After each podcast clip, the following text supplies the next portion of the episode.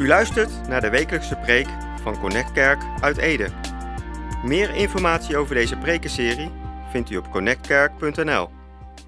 Be blessed. Top, we gaan door met ons jaarthema en dat is Johannes 15, de wijnstok en de ranken. Jezus die zegt, blijf in mij, zodat je veel vrucht kan dragen, want zonder mij kun je niets doen. Dat is het overkoepelende jaarthema van Connect Kerk dit jaar. En binnen dat grote thema hebben we de afgelopen paar weken gekeken naar Family Matters. Family Matters. We zijn begonnen met God is een God van relatie en alles wat hij doet is erop uit om relaties te herstellen.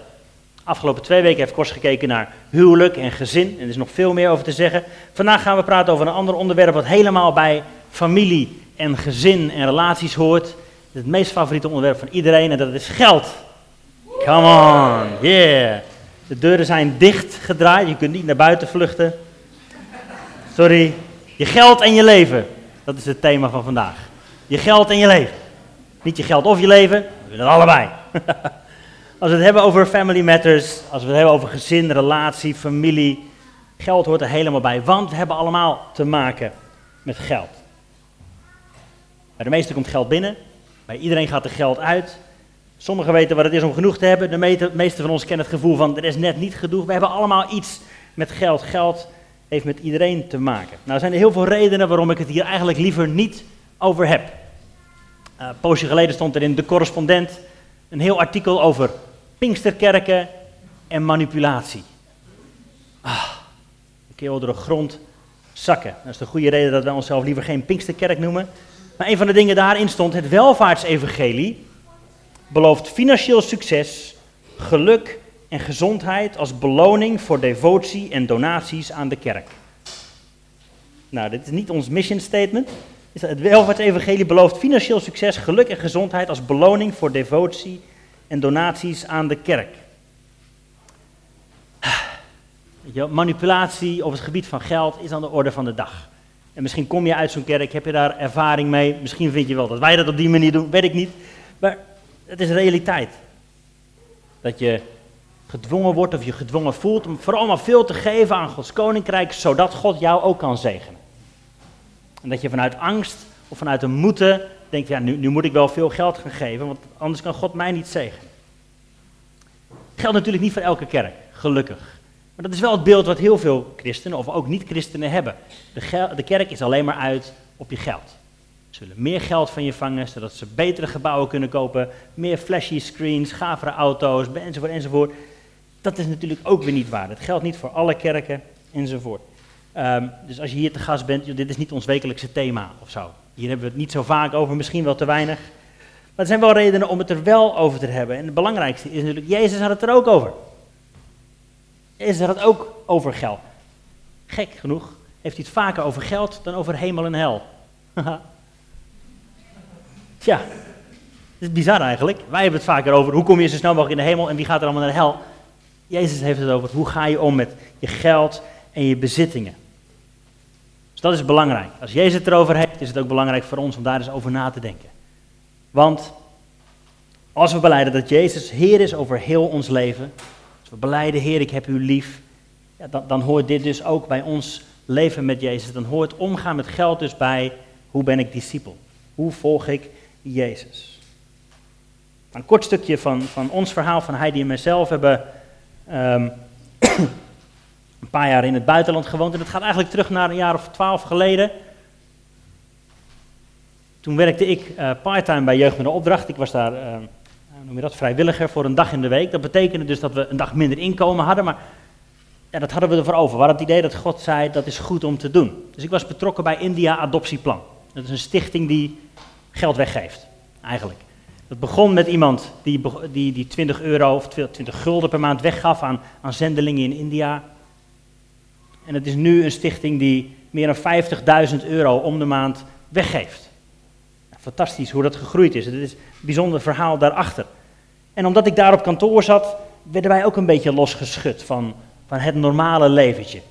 En via via kwamen we uiteindelijk terecht in, in Denemarken. Hebben we een jaar een bijbelschool gedaan. Moesten we onze baan opzeggen. Hadden we in één keer geen inkomen. Moesten we ons spaarpotje gaan teren. En daarna zijn we nog een paar jaar naar Engeland gegaan en we dachten, weet je wat, we zetten geestelijke stappen, we gaan geestelijk groeien. Want daarvoor waren we al jaren betrokken bij de kerk. Ik was aanbiddingsleider, ik sprak regelmatig, we deden jeugd, deden kinderen, deden bijna alles behalve koffie en toiletten. Sorry. en we dachten, weet je we willen geestelijk groeien. Maar wat we niet wisten, en eigenlijk helemaal niet door hadden, nooit over nagedacht hadden, is dat geestelijke groei alles te maken heeft met je portemonnee. We zetten die stappen naar het buitenland en in één keer kwamen we erachter dat we financieel op God moesten vertrouwen, want we hadden zelf te weinig. God, u heeft toch gesproken, we moesten dit toch doen. Hoe kan het dan dat het onderaan de streep niet helemaal uitkomt? En we, we werden opgerekt, we werden uitgedaagd om God te vertrouwen met onze portemonnee. Wij dachten, we gaan geestelijk groeien, we gaan meer kennis opdoen, we gaan meer weten, we gaan meer snappen, we gaan... En in één keer was het financieel spannend. Wisten wij veel dat dat erbij hoorde? Hadden we nooit echt onderwijs over gehad. Geld was iets, dat, ja, daar hebben we het liever niet over binnen de kerk. Maar alles wat je doet met je geld en je bezittingen, is nou eenmaal geestelijk. Want waar je hart is, waar je schat is, daar zal je hart zijn. Dus de manier waarop je omgaat met je geld en je bezittingen is een afspiegeling van jouw leven met God. Vandaag is dus geen uh, aanval of zo, of je zo snel mogelijk zo schuldig mogelijk laten voelen. Het is ook niet, maakt allemaal niet zo uit wat je doet met je geld. Het is ook niet het eind van een discussie, dat zeggen we wel vaker. Een preek is niet, zo zit het. Een preek is niet het eind van een discussie, het is wel het begin van een gesprek. Ik hoop dat je aan het eind van deze dienst denkt, ah ja, hoe, hoe gaan wij dat eigenlijk doen? Hoe, hoe, ga ik dat doen? En misschien was ik daar wel mee eens, dat niet. Hé, hey, dat schuurde een beetje, die vond ik irritant, die vond ik te zwak. Kan allemaal. Dus vandaag gaat niet over Oscar wil meer verdienen en de kerk wil rijker worden. Het is ook geen studie over het wel of niet geven van tienden. Mensen verschillen van mening. Gelukkig maar, dat is prima en dat is gezond. Het niet, gaat niet over het geven van tienden voor of na je belasting aan de kerk of van goede doelen. Er zijn heel veel verschillende meningen over. Mensen gebruiken allemaal dezelfde Bijbel en dezelfde Bijbelteksten. Daar hebben we het niet over. Mijn persoonlijke insteek is: het geven van tienden is een mooi begin. Toch? Dat is mijn mening. Het geven van tienden is een mooi begin. Als we beleiden, ja, maar we leven niet meer in het oude verbond. Oké, in het nieuwe verbond zeggen we: alles wat ik heb, behoort u toe. Het geven van tienden is een mooi begin. We gaan samen lezen. Matthäus hoofdstuk 6, vers 19 verschijnt hier ook achter mij op de beamer. Daar zegt Jezus dit, en het is in de bergreden. Jezus die zijn discipelen bij zich neemt en die ze leert over, dit is het normale leven met God. Vanaf vers 19 staat er dit, verzamel geen schatten voor u op aarde, waar mot en roest ze verderven en waar dieven inbreken en stelen. Want waar uw schat is, daar zal ook uw hart zijn. De lamp van het lichaam is het oog en als uw oog oprecht is, zal heel uw lichaam verlicht zijn. Maar als uw oog kwaadaardig is, zal heel uw lichaam duister zijn. Als het licht dat in u is duisternis is, hoe groot is dan de duisternis zelf?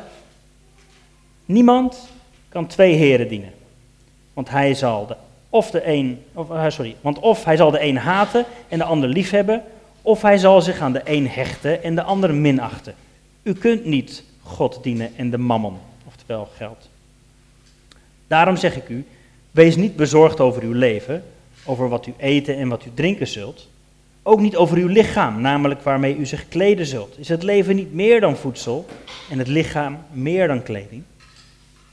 Kijk naar de vogels in de lucht. Ze zaaien niet, ze maaien niet, ze verzamelen niet in, uw schuur, in schuren. Uw hemelse vader voedt ze evenwel. Gaat u ze niet ver te boven? Wie toch van u kan met bezorgd zijn één L aan zijn lengte toevoegen? Wat bent u dan bezorgd over kleding? Kijk naar de lelies in het veld, hoe ze groeien. Ze werken niet, spinnen niet.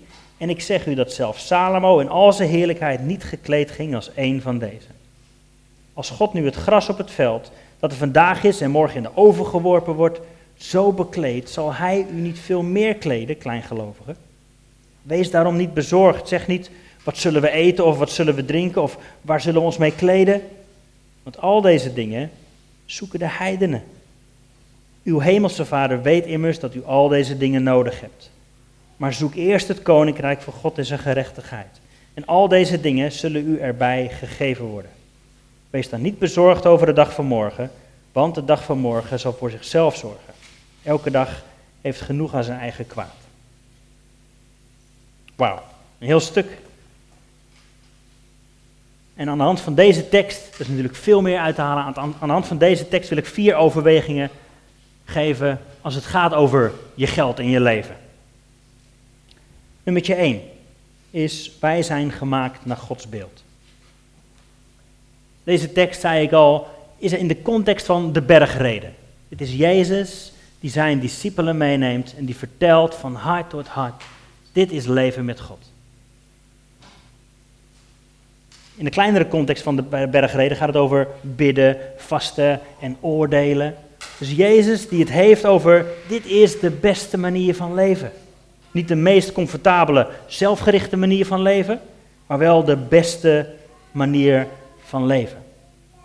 Af en toe is het leuk om jezelf de vragen te stellen. Stel nou, eventjes vergeten, stel nou dat er geen hemel of hel zou zijn. Imagine, om met John Lennon te spreken. Stel, stel je voor, is de weg van Jezus dan nog steeds de weg die jij wilt lopen? Spannende vraag, toch? Is de weg van Jezus echt de beste weg? Geloof je dat echt?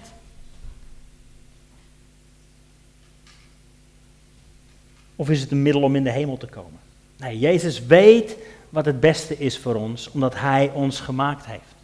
Hij is onze ontwerper.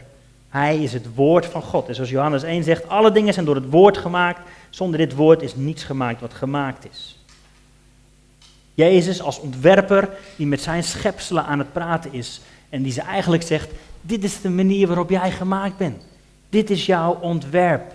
Zo leef je het beste. Zo werkt het het beste als je dit doet.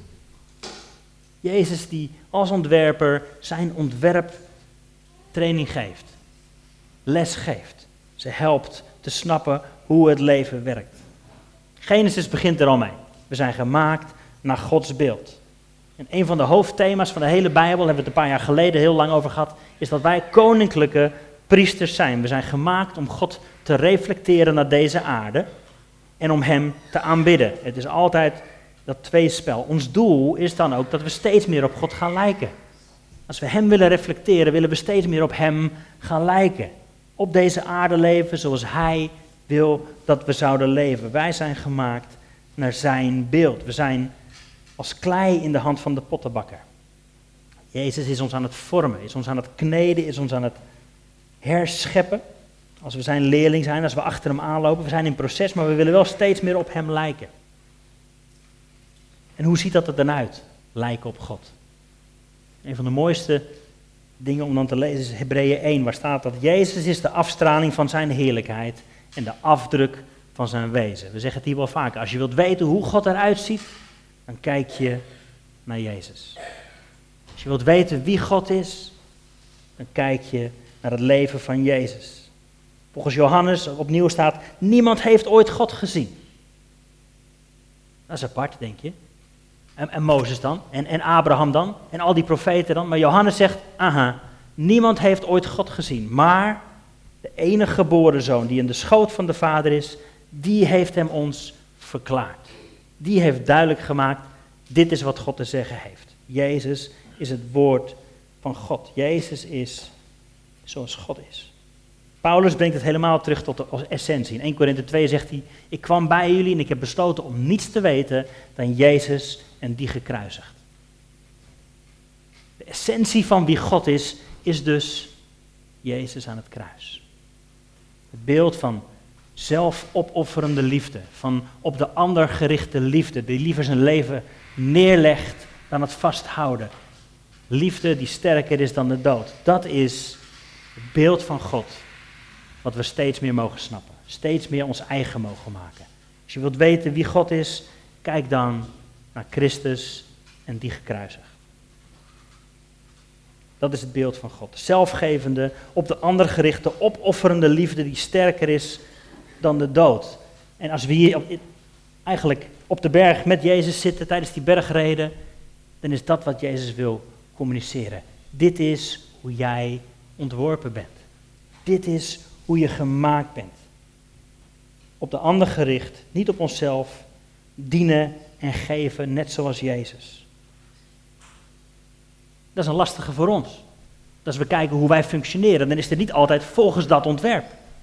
Ik las pas een studie waarin stond dat de gemiddelde Nederlander, dat gaat dus niet over jou en mij, over de gemiddelde Nederlander, geeft ongeveer 1% van zijn inkomen weg.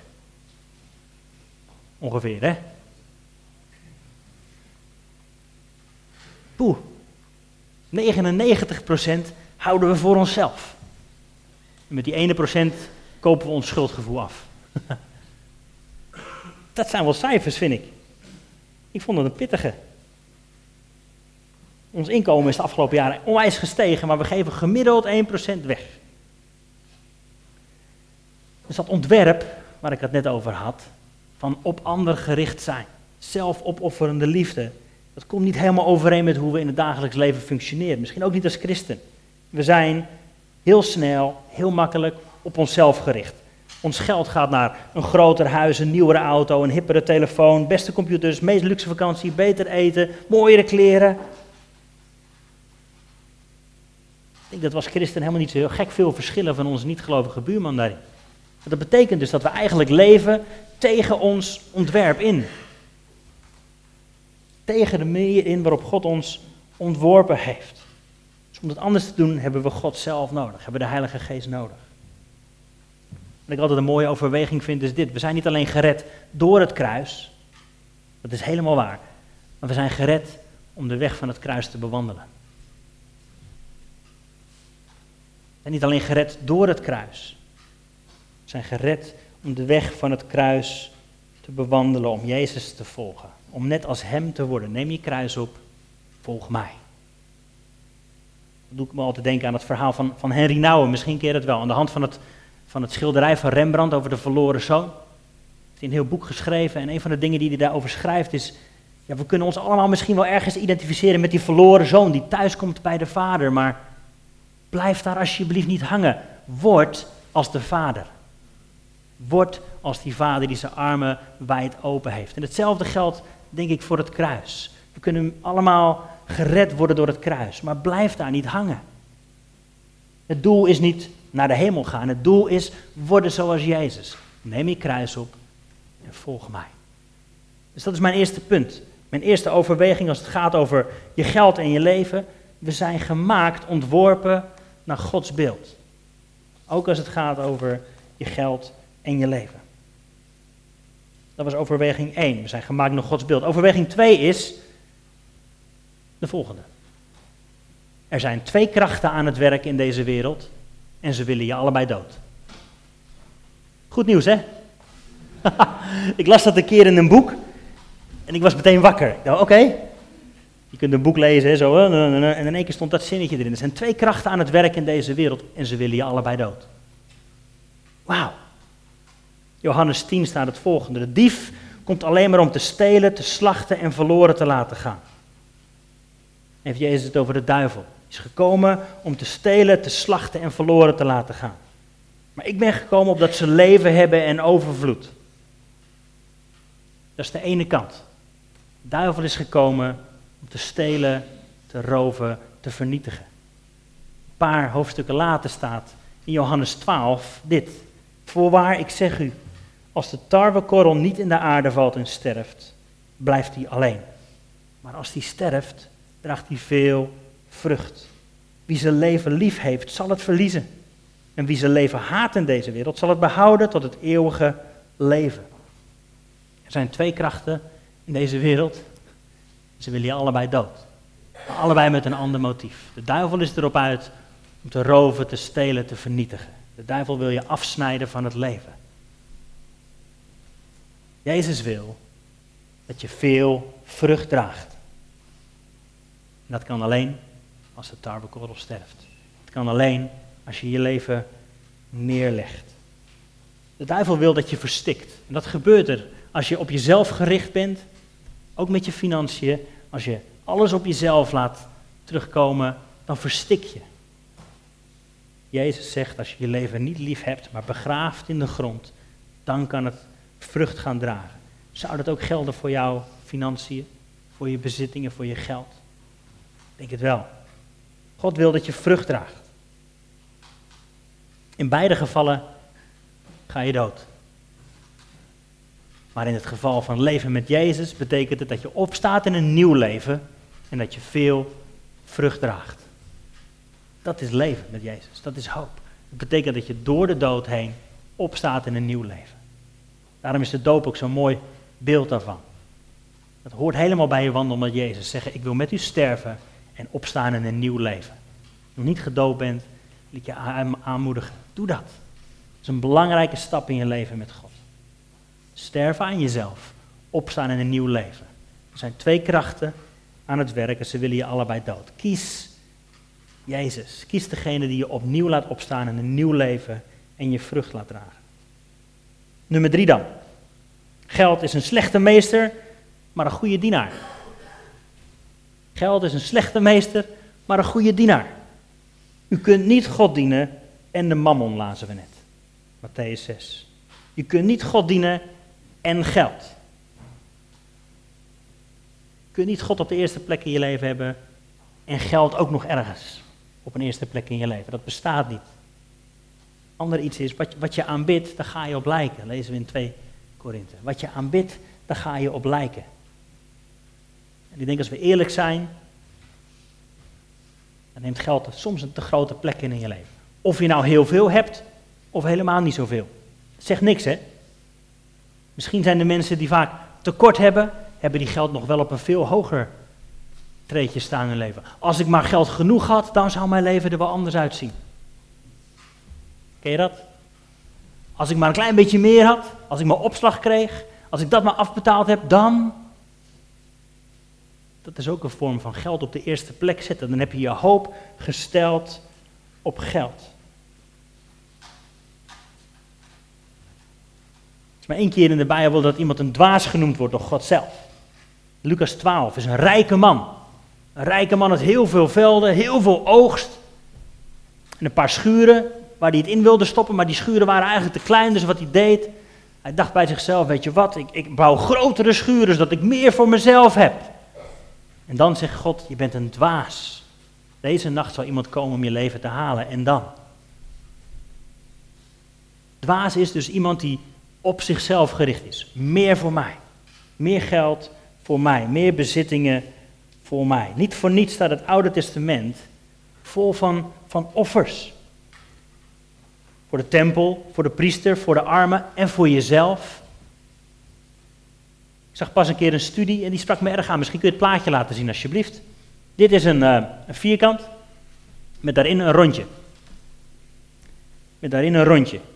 Moet je denken aan het verhaal van Rut. Rut kwam terug in Israël, in Bethlehem, weet je wel. En ze ging aarde rapen bij Boas. Ken je dat verhaal?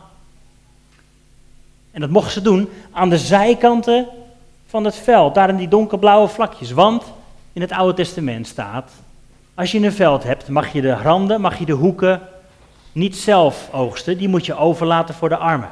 Dus dat is wat Boas had gedaan. Boas had de cirkel middenin geoogst en de buiten aan de randen is voor de armen. Dus daar mocht het gaan rapen. Dat is een heel mooi beeld, want als je gaat terugrekenen naar alle wetjes die in het Oude Testament staan, hè, alle offers, geef zoveel procent daaraan, geef je eerstelingen aan die, geef dat aan de tempel, geef dat aan de priester. En ook leg dit voor jezelf apart, investeer dit in jezelf. Dat zijn allemaal voorschriften die God geeft. Dan komt dat neer op ongeveer 21% van je inkomsten. Nou, ik weet niet of je goed bent in wiskunde, Maar dat is ongeveer 21% aan de randen. Die cirkel, middenin, 79%. Aan de randen, 21%. Vind je het gek dat de Joden het zo goed doen met geld? Ook nu nog, hè? Kleinste volk misschien. Ongelooflijk veel invloedrijke posities, omdat ze snappen hoe geld werkt. Ik geef weg, ik spaar voor mezelf, ik investeer daarin, ik eet mijn zaad niet op, maar ik plant het. Er zit wijsheid in die oude voorschriften. Een goede manier van leven, een goede manier van omgaan met je geld.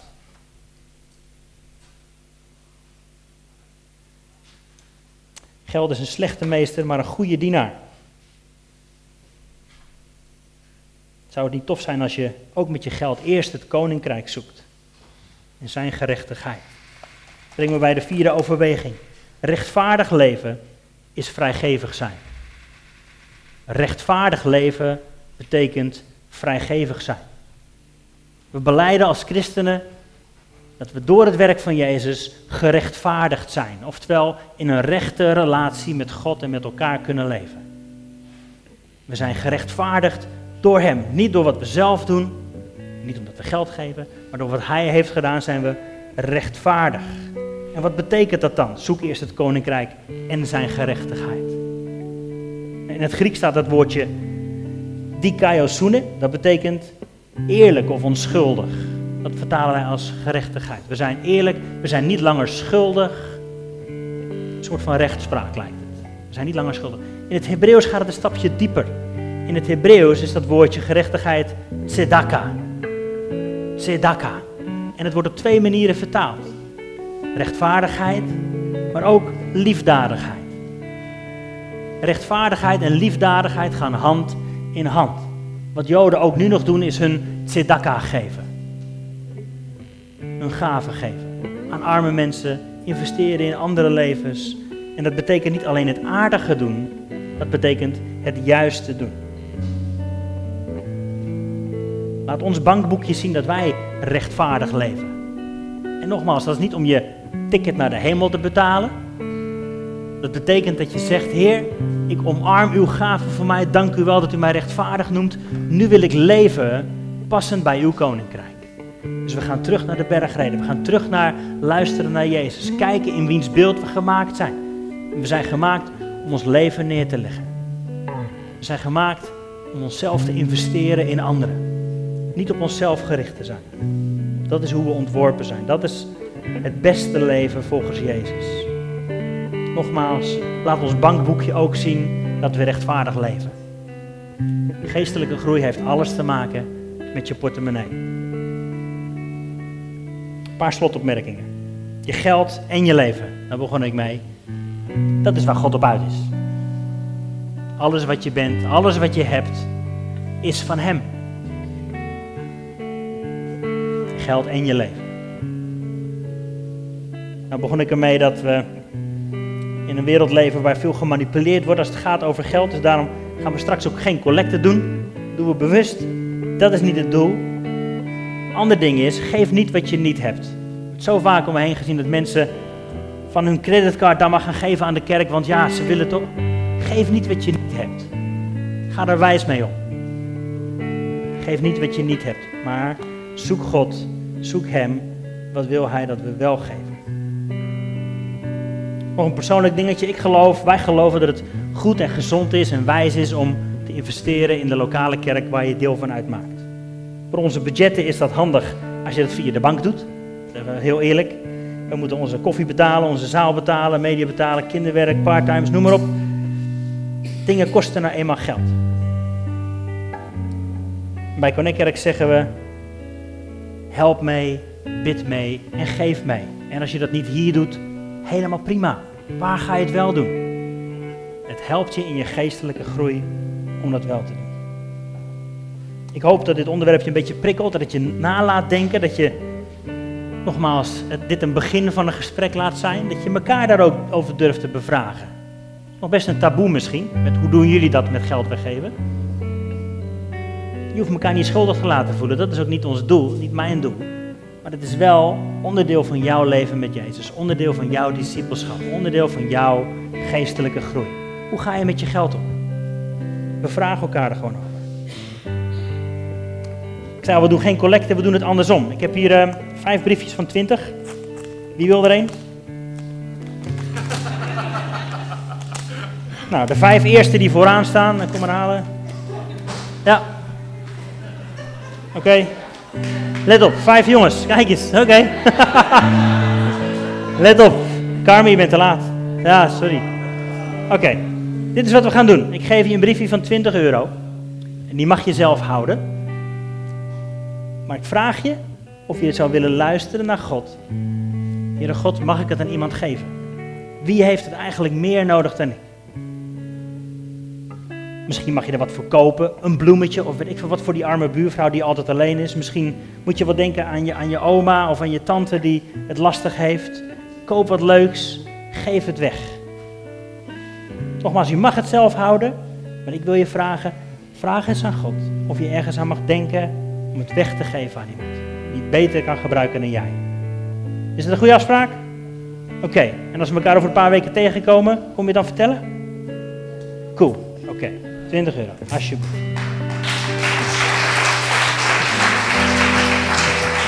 Super jongens.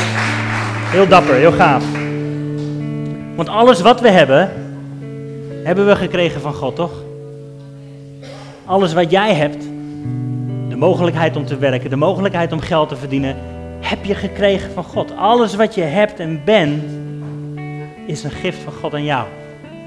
Mijn vraag is, hoe ga jij met die gaven om? Hoe ga jij met die 20 euro om? Hoe ga jij om met dat wat jij ontvangen hebt? Vraag eens aan God, wat mag ik weggeven? Wat is uw plan voor mijn leven op dit moment? En als het is dat God tegen je zegt, wees even wijs, doe even rustig. Je hebt het zelf nodig. Het is een fase van, snap ik dat ook, helemaal goed. Maar voor sommigen van ons is het tijd voor een porretje in je rug om te zeggen, weet je wat, volgens mij ben je klaar voor meer. Klaar voor een stukje groei, ook op dat vlak. Zullen we gaan staan, dan wil ik graag een beetje bidden.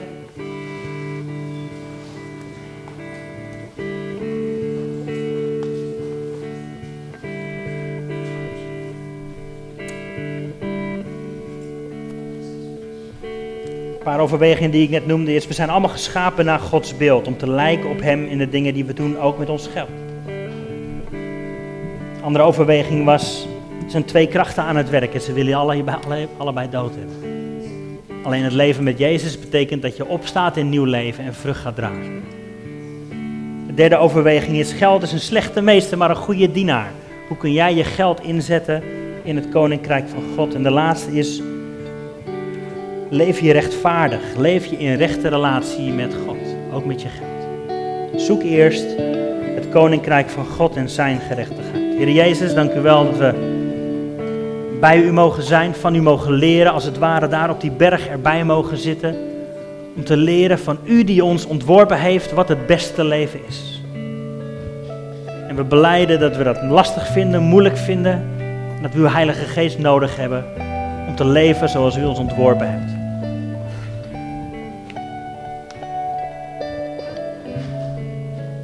Wilt u ons helpen om eerst het koninkrijk van God te zoeken en uw gerechtigheid te zoeken. Ik wil bidden, Heilige Geest, dat u ons de komende tijd leidt en helpt om, om te zien wat is wijs, wat is goed, hoe ga ik om met mijn geld, wat, wat mag ik gaan doen, wat is een volgende stap in mijn reis achter u aan. Dank u wel dat we uw schapen zijn en u zegt, uw schapen kennen mijn stem. En we weten wie u bent en dat u ons wilt leiden. Ook al vinden we het moeilijk om te luisteren, u bent een uitstekende herder. En we zijn van u. Alles wat we hebben, zijn en doen, behoort u toe. Wees verheerlijkt met ons leven, wees verheerlijkt met onze bezittingen, met ons geld, met onze tijd, met alles wat we zijn en hebben. Wees verheerlijkt, Heer Jezus. Amen.